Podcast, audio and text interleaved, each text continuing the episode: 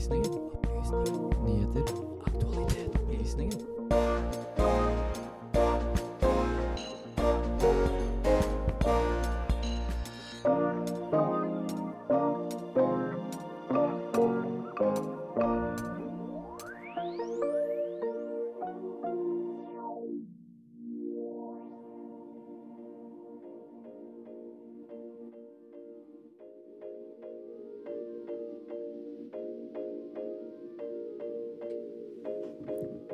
Kull brukes mye i energiproduksjon, men visste du at kull også brukes i industrien?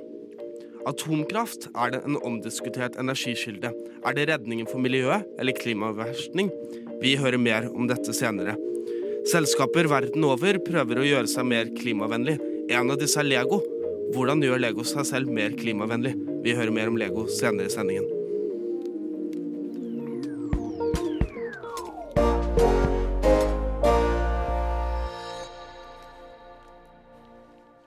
Ja, hei og velkommen til, til Opplysningen. Det er, no, det er nok en deilig fredagsmorgen, og vi, vi er klare for en ny, spennende sending. I dag skal vi ha litt sånn klimafokus, for det er jo denne beryktede COP26 som det prates om i alle medier, så da kommer vi til å snakke mye om klima, og med spesielt et fokus på energiproduksjon.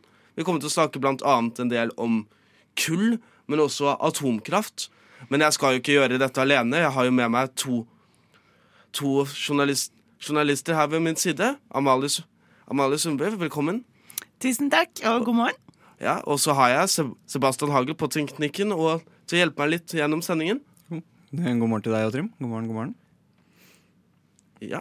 Så det her blir en full, fullspekket sending, full, full av mye spennende innhold. Så det er bare å sette seg, seg ned, lytte, lytte godt og lære litt om klima- og energiproduksjon. God dag og god fredag. Hjertelig god fredag morgen. God morgen, god morgen, god morgen og god morgen. God morgen og velkommen til Opplysningen, Radio Nova sitt samfunns- og aktualitetsmagasin.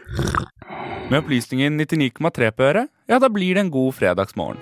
Opplysningen 99,3. Hver fredag fra 10 til 11 på Radio Nova.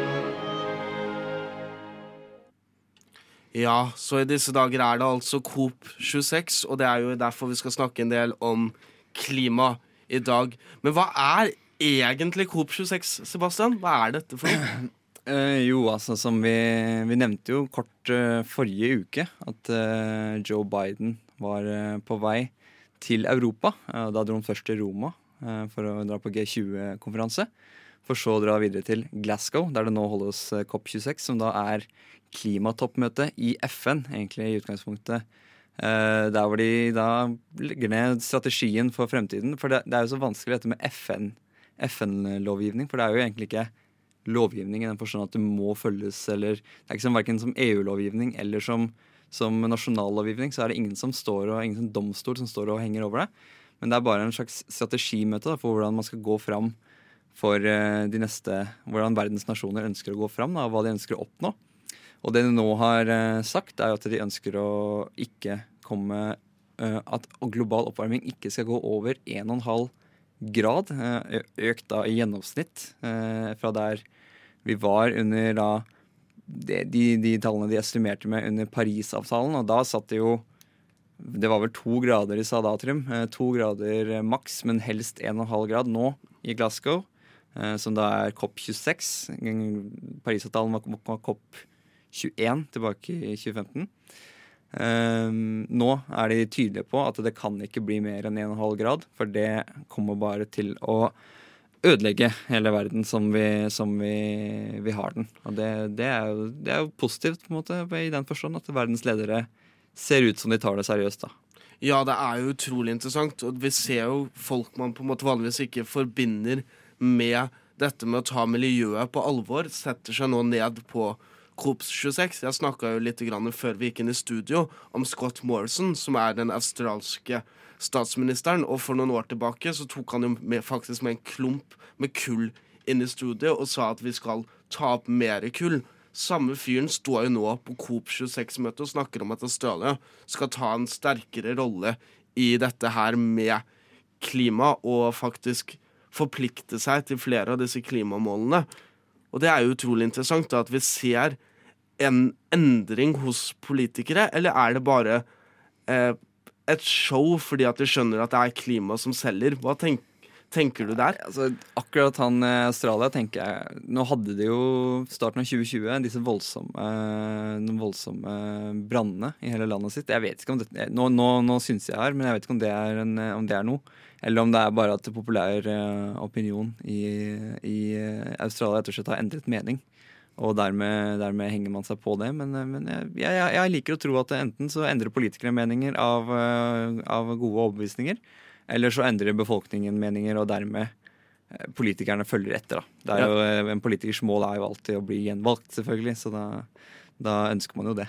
Og det tenker jeg på en måte er egentlig en veldig god måte å se det på. At det er ikke så viktig om politikerne er genuine. Det som er viktig med denne COP26, er hva blir løftene? Hva er det politikerne sier?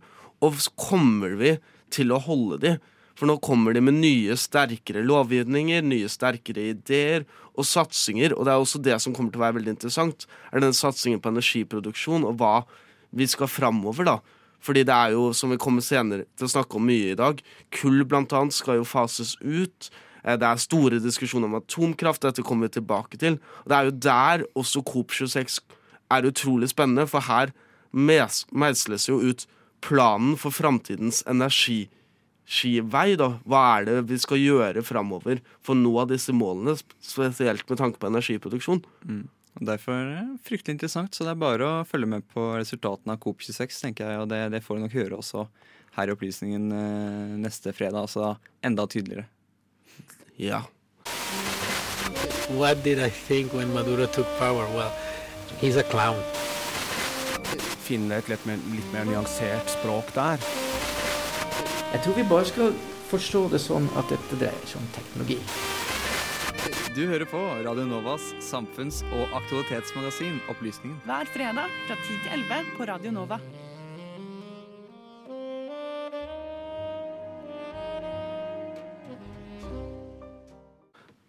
Men nå skal vi altså snakke litt om atomkraft, eller vi skal ha en sak om atomkraft. Fordi dette er jo et utrolig eh, kontroversielt tema på COP26. Det sies å være redningen for miljøet og klimaversning på samme tid, og frontene er steile. Og dette har Benjamin, Benjamin Ødegaard sett på i denne saken om atomkraft.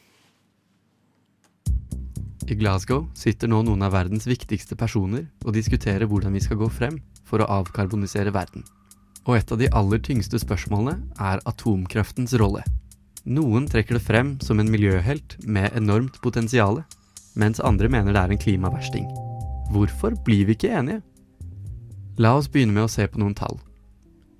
Atomkraft står for omtrent 10% av verdens energi, og særlig finner vi atomkraftverk i Europa og Nord-Amerika. Men hvordan fungerer det? Fordi ganske få av oss er atomfysikere, så holder det kanskje med kortversjonen. Man har en reaktorkjerne der veldig radioaktivt materiale, typisk uran og plutonium, bombarderes med nøytronpartikler. Der får vi en kunstig, kontrollert kjedereaksjon som avgir store mengder varme. Og denne varmen kan brukes til å føre vann i stor hastighet gjennom en turbin, som til slutt produserer strøm som vi kan hente i stikkontakten. Atomkraft er faktisk den mest energieffektive kraftkilden som vi noensinne har fått til å drive med. Den avgir ingen utslipp av CO2, eller andre klimagasser. Og når den håndteres riktig, er det en fleksibel prosess som kan produsere strøm akkurat når det passer. Men atomkraften er ikke helt problemfri. For mange tenker umiddelbart på risikoen for ulykker, og de har vi hatt et par av. 24.4.1986 skjedde det som ikke skulle skje på kjernekraftverket i Tsjernobyl i den daværende Sovjetunionen. Ja.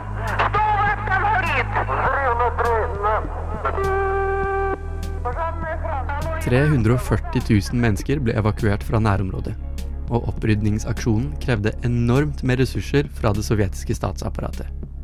Og de modige opprydderne har fått sin skjebne dokumentert, bl.a. i HBO-serien Tsjernobyl. Men forskere sliter faktisk litt med å finne noen gode tall på omfanget og resultatet av Tsjernobyl-ulykken. Det er kanskje overraskende å høre at antallet døde som følge av høy ioniserende stråling under Tsjernobyl-ulykken ligger ganske lavt. Et sted mellom 31 og 90 mennesker.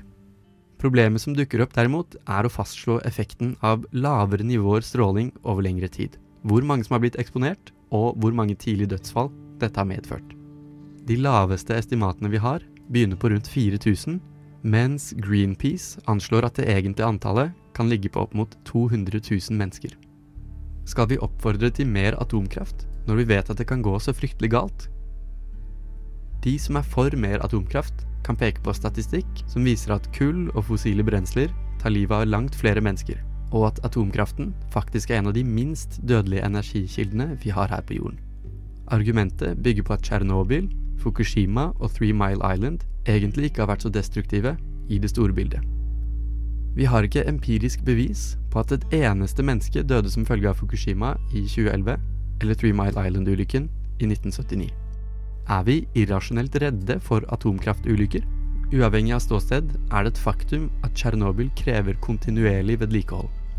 Hvis menneskeheten i fremtiden slutter å ha oppsyn med dette ulykkesområdet, så vil radioaktiviteten til slutt finne veien inn i grunnvannet, seile nedover Dnieper-elven, treffe storbyen Kiev og etter hvert kontaminere hele kloden.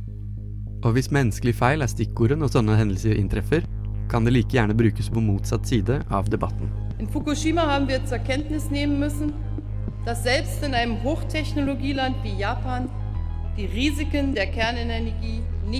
Tyskland, med avtroppende bondeskanslerin Merkel i spissen, er et av de landene som har lovet å gå vekk fra atomkraft. Tyskland skal i stedet satse stort på fornybare energikilder som vind og solkraft. Og i Glasgow fronter de dette budskapet. I kjølvannet av Fukushima-ulykken valgte de å stenge ned flere av sine atomkraftverk. Kritikerne derimot peker på at Tyskland har måttet skru opp kullkraften i de siste årene for å fylle dette tomrommet. Tyskernes direkte nabo i vest, nemlig Frankrike, er et av de landene som har satset mest på atomkraft gjennom tidene. President Macron mener at Tyskland har valgt helt feil kurs. 70% av husholdningsstrømmen i Frankrike den kommer fra kjernekraft. De har aldri hatt noen ulykker, og kun 18 kraftverk er nok til å drive et land med 68 millioner innbyggere nesten helt alene.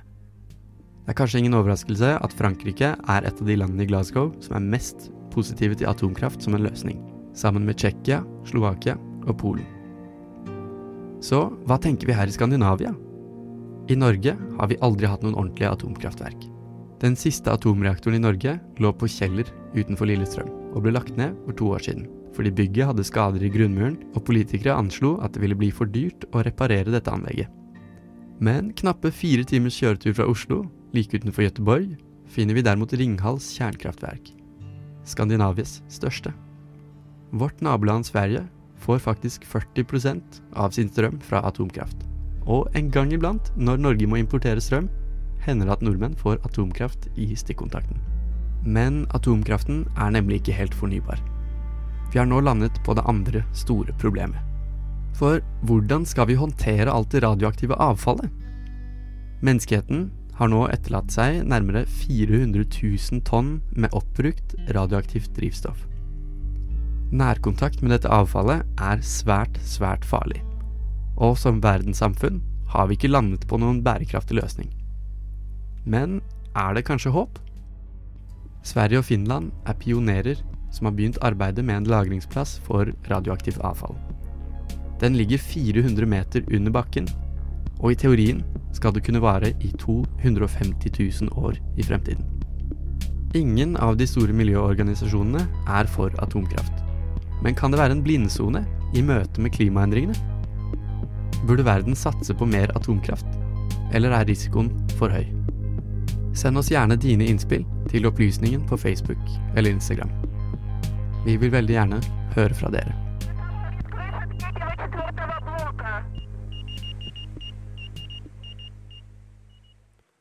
Reporter i denne saken var Benjamin Nordtømme, og vi skal snakke litt mer om energiproduksjon i form av kull senere. Men først skal vi høre en nydelig låt av Grapefruit, 'Arcade Love'. Men det som også er rystende, er på en måte at hvor mye av det som i 2011-2012 opplevdes som helt vanvittig, det har liksom gått inn i et slags sånn politisk hverdagsspråk nå. Veldig mange av de holdningene. Radio Novas samfunns- og aktualitetsmagasin gir deg historiene, sakene og debattene andre overser. Aldri redd, alltid balansert. Ja, så det, det er jo altså Coop 26, og der deler de ut en såkalt verstingpris, men jeg har ikke helt skjønt hva dette er. Hva er denne verstingprisen, Amalie? Jo, eh, det er jo da noen som heter Climate Action Network, eller CAN, da, som deler ut en pris eh, hver dag. Eh, og den prisen kalles Dagens fossil. Og den fikk jo Norge en dag denne uka. Hvorfor fikk vi dagens fossil? Hva er det Norge gjør som er så gammeldags, da, tenker jeg, siden det heter dagens fossil? Eh, jo, altså Norge har en retorikk når det gjelder å snakke om olje- og gassproduksjon, hvor de bruker ordet utvikling i stedet for avvikling. Så det er jo derfor vi har fått den prisen. Fordi eh, eh, Espen Barth Eide og co. Eh, snakker mye om hvordan vi skal utvikle bransjen da, i stedet for å avvikle. Um, og som f.eks. professor Dag O. Hessen sier, så er det en retorikk som høres litt rart ut for eh, utenlandske ører. Men hva vil det egentlig si å drive med utvikling framfor avvikling? For jeg hører veldig mye om liksom avvikle kull uh, og avvikle olje, men så kommer Espen Barth Eide og co. og sier at vi skal utvikle oljen videre. Hva, hva, hva mener de der? Hva er det Ja. Ja, altså Noe av det jeg tenkte på, er at uh, Norge har jo hatt en um, en uh, unnskyldning for å uh, pumpe opp gass i flere år nå. Uh, og det er jo at gassen kan erstatte kull i mange land. Um, det er jo mange som mener at dersom man kan bytte ut kullen med gass i flere kraftanlegg, så kan man kutte utslippene med 50% Og jeg vet at det her er en omdiskutert sak. Forskerne er uenige. Jeg snakka med en forsker på Cicero senest i går som sa at innad i Cicero er de også uenige om hvorvidt dette er en god idé eller ikke. Er dette det vi snakker om med sånn grønn olje? For vi hører veldig mye om at norsk olje og norsk oljeproduksjon er mye grønnere, så det er bedre at vi pumper opp og produserer her i Norge fordi vi har kompetanse på å gjøre det mest mulig miljøvennlig, enn om vi hadde gjort det i typ afrikanske land. Er det den samme type retorikken? Ja, på en måte, men jeg tror det, det de egentlig mener, er at gass generelt har lavere utslipp enn kull generelt. Men så er jo motargumentet da at hvert land har jo sin kvote de må holde seg under uansett. Så om de har gass eller kull, spiller ikke så mye rolle. De må uansett holde seg til en lav utslippsmengde, da. Ja, så det, har, så det er på en måte ikke Er det litt sånn hips og haps som man bruker kull eller, eller gass for å fylle denne kvoten? Eller, eller, er det, eller har ikke forskerne ment så mye, mye om det? Um, nei, altså Jeg er faktisk litt usikker på det, men jeg syns det høres rart ut, fordi vi vet jo at uh, gass er jo på en måte mer effektivt. Altså, du får jo mer energi um, for penga, alt jeg på å si. Mer energi med mindre utslipp enn du ville fått med kull. For kull er jo ganske lite energieffektivt og har veldig høye utslipp. Så det er vel derfor forskerne er uenige. Ja, så de er på en måte uenige fordi de vet, vet ikke hva man Vi har på en måte to onder, og det er litt vanskelig å på en måte vite hvem som er den minst onde av på en måte gass eller kull, da. Så det er litt der krang kranglingen går.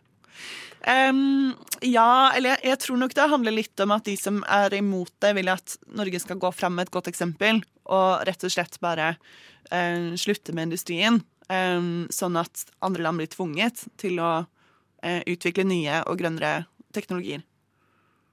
Ja, og det er jo også veldig interessant, da, fordi et av argumentene jeg har hørt, er jo dette at vi ved hjelp av gass og ved hjelp av pengene vi får fra gass og utviklingen av denne industrien, så vil vi kunne komme i front med å bruke da, teknologi. At vi kan utvikle et ny og bedre teknologi fordi vi får penger av gass. Og At hvis vi avvikler det, så har vi ikke like mye kapital. Da det er jo denne ideen om å gjøre oljefondet grønt, som jeg hørte om eh, at Støre sa her om dag, dagen. At vi vil bruke oljefondet til å satse på grønn teknologi. Hvordan, hva tenker du om det? At vi bruker på en måte en, noe som ikke er så miljøvennlig som gass, for å kunne satse på mer miljøvennlig teknologi? Eh, altså, jeg syns det høres ut som det kan kanskje være en kortsiktig plan, da. Hvis man ser for seg eh, en liten, liten periode hvor man allerede kan bruke de kullkraftanleggene som finnes, men bruke gass i stedet. Og i mellomtiden så kan Norge bruke de pengene de tjener på å um, eh, investere i f.eks. For fornybar energi i Afrika, som jo er en av de verdensdelene hvor um, uh, man faktisk planlegger å lage flere kullkraftanlegg i dag. Eh, så vidt jeg forsto, så er det mange gamle, slitte vannkraftanlegg der som um, trenger oppgradering for å fungere som de skal. Eh, men eh, i stedet for å oppgradere de, så bygger man da kullkraftanlegg. Jeg mener jo da at kanskje Norge skal tilby seg å oppgradere de vannkraftanleggene. Eh, eh, og kanskje også bidra med kompetanse. Man skulle jo tro at vi kanskje har litt peiling på det her oppe. Ja, det er jo veldig interessant, da, fordi det går inn på en annen ting som jeg har hørt veldig mange snakke om, og det er at Istedenfor at vi står der og snakker om at vi skal utvikle eller vi skal avvikle eller den type ting, eller vi skal satse på mer vindkraft eller satse på mer olje, så glemmer vi veldig fort at oppgradering også egentlig er et reelt alternativ. Det er ikke selvfølgelig løsningen på alt, men f.eks. i Sør-Afrika så vil det jo da meg, Som jeg forstår det, jeg har ikke lest nok om det, komme utrolig mye energi ut av at du bare oppgraderer vannkraftverkene. Og dette så vi her i Norge, fordi Raimond Johansen gikk ut og kritiserte eh, den da sittende høyreregjeringen for ikke satse nok på vannkraftoppgradering. Og de mente at med å oppgradere vannkraftene våre, så kunne vi ha nok energi til å på en måte Hele Oslos befolknings behov var, dek var dekka, da. Og jeg tror at det ligger Det virker som det ligger veldig mye, mye ut av bare oppgradering, da. Og der tror jeg både her innad i landet, men også utad, at i tillegg til å på en måte satse på ny teknologi, så må vi effektivisere mest mulig den energiproduksjonen vi allerede har. Mm. Jeg syns det høres ut som en veldig god idé. Og vi må også huske på at det å konstruere nye bygg og anlegg eh, er jo også eh, medfører mye utslipp. Eh, så det å kunne oppgradere det vi har fra før, i stedet for å bygge nytt, eh, kan jo også lønne seg da i et klimaregnskap. Ja, så det er også en veldig interessant ting, da, fordi vi, vi snakker jo om dette her, men det i utvikling. Hmm. Ja, da skal vi Dette var jo en utrolig spennende samtale, og jeg skulle gjerne sittet der hele dagen og diskutert dette. Men vi har jo dessverre en sending, Amalie, og det betyr at vi må gå over på låt. Men det er en utrolig kul låt. da. Det er jo 'Killing Butterflies' med feiging, og det blir jo ikke det siste vi hører om kull.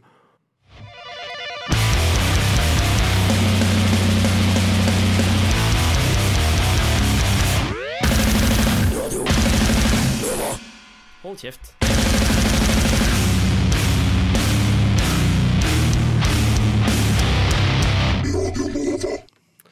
Ja, vi har jo snakket mye om kull, og vi kommer til å høre enda mer om kull fordi Amalie Sundby har sett på hvordan kull kan brukes i bl.a. industrien. Vi skal sette oss i tidsmaskinen og foreta oss en reise flere millioner av år tilbake i tid. De første krypdyrene begynner å befolke jordkloden. Men det er plantene som virkelig regjerer. Slektninger av dagens snelleplanter danner skoger av kjempetrær. Også planter er en del av livets sirkel. Etter hvert som plantene i skogen dør, fylles bakken med lag på lag av dødt plantemateriale og andre sedimenter. Dette gjør at plantene ikke råtner og brytes ned på vanlig måte. Trykket og temperaturen stiger, og en betydelig omdannelsesprosess settes i gang. Varmen i jorda gjør at vannet, hydrogenet og nitrogenet i dette plantematerialet fordamper. Og resultatet? Jo, vi kaller det kull. Kull er en fellesbetegnelse på en rekke karbonholdige organiske bergarter. Stort sett dannet av planterester. De fleste nordmenn forbinder kanskje kull med den industrielle revolusjon og viktoriatidens England. Men det var faktisk romerne som hadde den første dokumenterte bruken av kull. Kull ble brukt som brensel for å varme opp bad, som pynt og til å smi jern. Og til å opprettholde en evig ild, til ære for visdomsgudinnen Minerva. Men selv i dag er kull en svært viktig ressurs. Faktisk er kull den fremste energikilden til elektrisk kraft i verden, og utgjør hele 35% av den globale produksjonen. Kina, India, USA, Tyskland og Russland ligger på verdenstoppen i bruk av kull til dette formålet. Man får elektrisitet fra kull ved at man bruker varmen fra brensel til å lage vanndamp, som deretter kan drive en turbin. Når turbinen roterer, oppstår elektrisitet. Med dagens forbruk av kull til energi, så vil de påviste reservene vare i omtrent 114 år. Flere land ønsker å kutte kullkraft som energikilde. Likevel så spiller kull en viktig rolle i det moderne samfunnet, som er mindre kjent for folk flest. For visste du at Norge faktisk bruker en del kull i industrien? Norge har en sterk internasjonal posisjon i den såkalte ferrolegeringsindustrien. Ferromangan, ferrosilisium, ferrokrom og silikomangan produseres i Norge. Ferrolegeringer er altså jernlegeringer, som bl.a. er viktig for å oppnå ønskede egenskaper i f.eks. stål til bygningsindustrien. Grunnen til at vi bruker kull i denne industrien, er at råvarer som malm og kvarts inneholder mye oksygen, som vi er nødt til å fjerne. Ved å brenne råvarene sammen med det karbonholdige kullet, så vil det frigjorte karbonet trekke oksygenet ut av råvaren. Et av produktene vi fremstiller på denne måten, er silisium, som bl.a. er en viktig ingrediens i produksjon av solceller, som igjen brukes til å lage fornybar energi. I norsk industri bruker vi også kull som brensel for å lage klinker, en viktig bestanddel i sement. De siste tiårene har vi klart å redusere kullbruket også i disse industriene. Men det gjenstår ennå mye forskning for å nå målet om nullutslipp. Et av argumentene mot å brenne kull er at kraftproduksjonen fra kull har ganske lav energieffektivitet. I gjennomsnitt for verdens kullkraftverk blir under halvparten av innfyrt energi omsatt til elektrisk energi. Mens hele 60% går tapt til omgivelsene.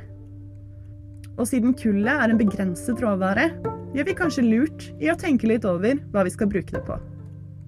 Det koster nemlig energi å lage fremtidens fornybare løsninger. Dessverre så reiser ikke tidsmaskinen vår fremover i tid. Så hva kullets framtid bringer, det vet vi ikke.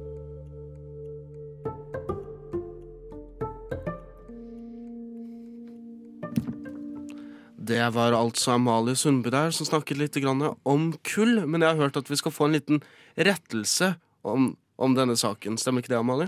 Jo, altså jeg sa jo i saken at eh, romerne hadde den første dokumenterte bruken av kull. Men det jeg mente var at de hadde den første dokumenterte utstrakte bruken av kull. Det var jo noen andre som var tidligere ute. Ja, det var jo kineserne, var det ikke? Jo, nemlig. De er jo først med alt. Ja, som vanlig. Men eh, nå skal vi høre en, nok en kul låt. Denne er fra A-lista, og det er White Trash Blues Band med Miss Missing. Og så er også Radio Nova her for å gjøre opptak til sendingene sine. Opplysningen. Vi er der det skjer. Opplysningen.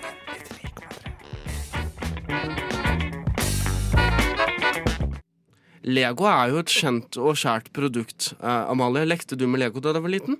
Ja, jeg arva faktisk en veldig kul Lego-serie fra søstrene mine som heter Fabuland. Eh, hvor Lego-figurene var eh, dyr, da. Det var liksom en sau og en ape og en hvalross, og hadde det så gøy med Fabuland.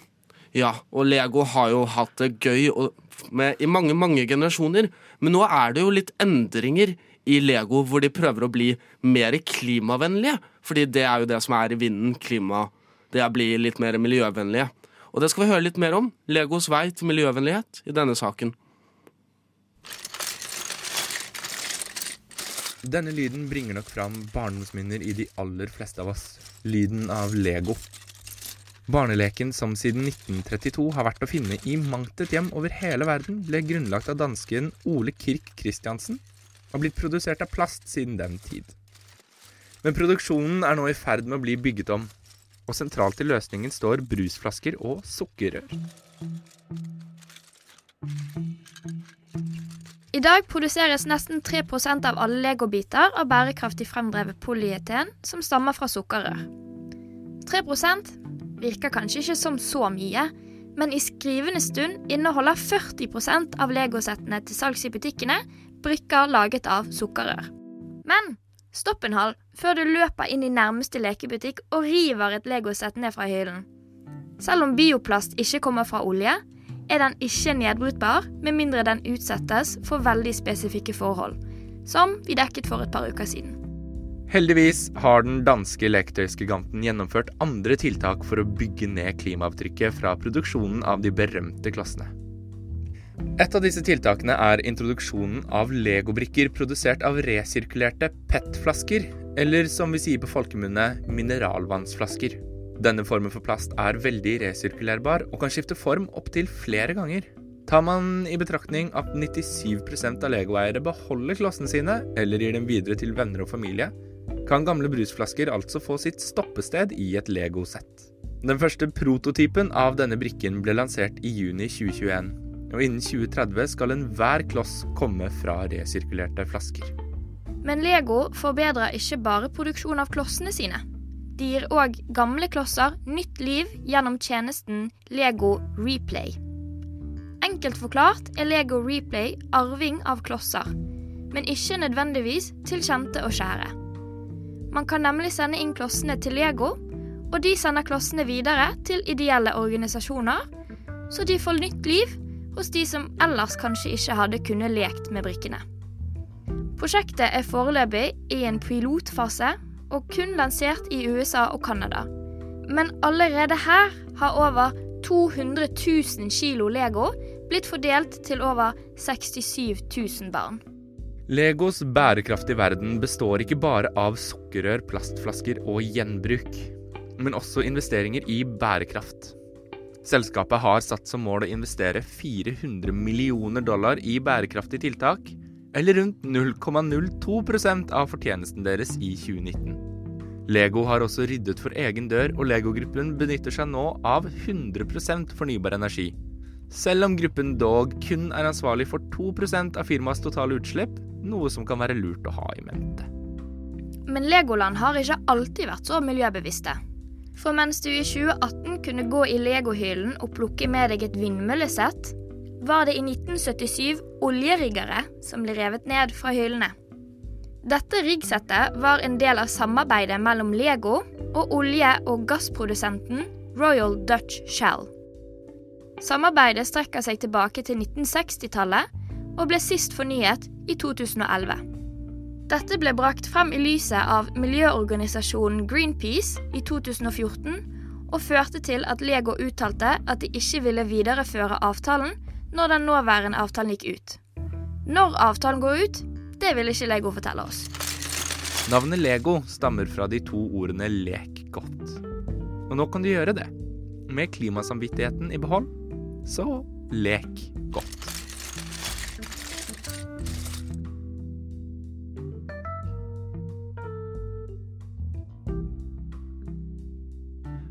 Det var altså Sander Zakaria og Lisa Benus som snakket om Lego.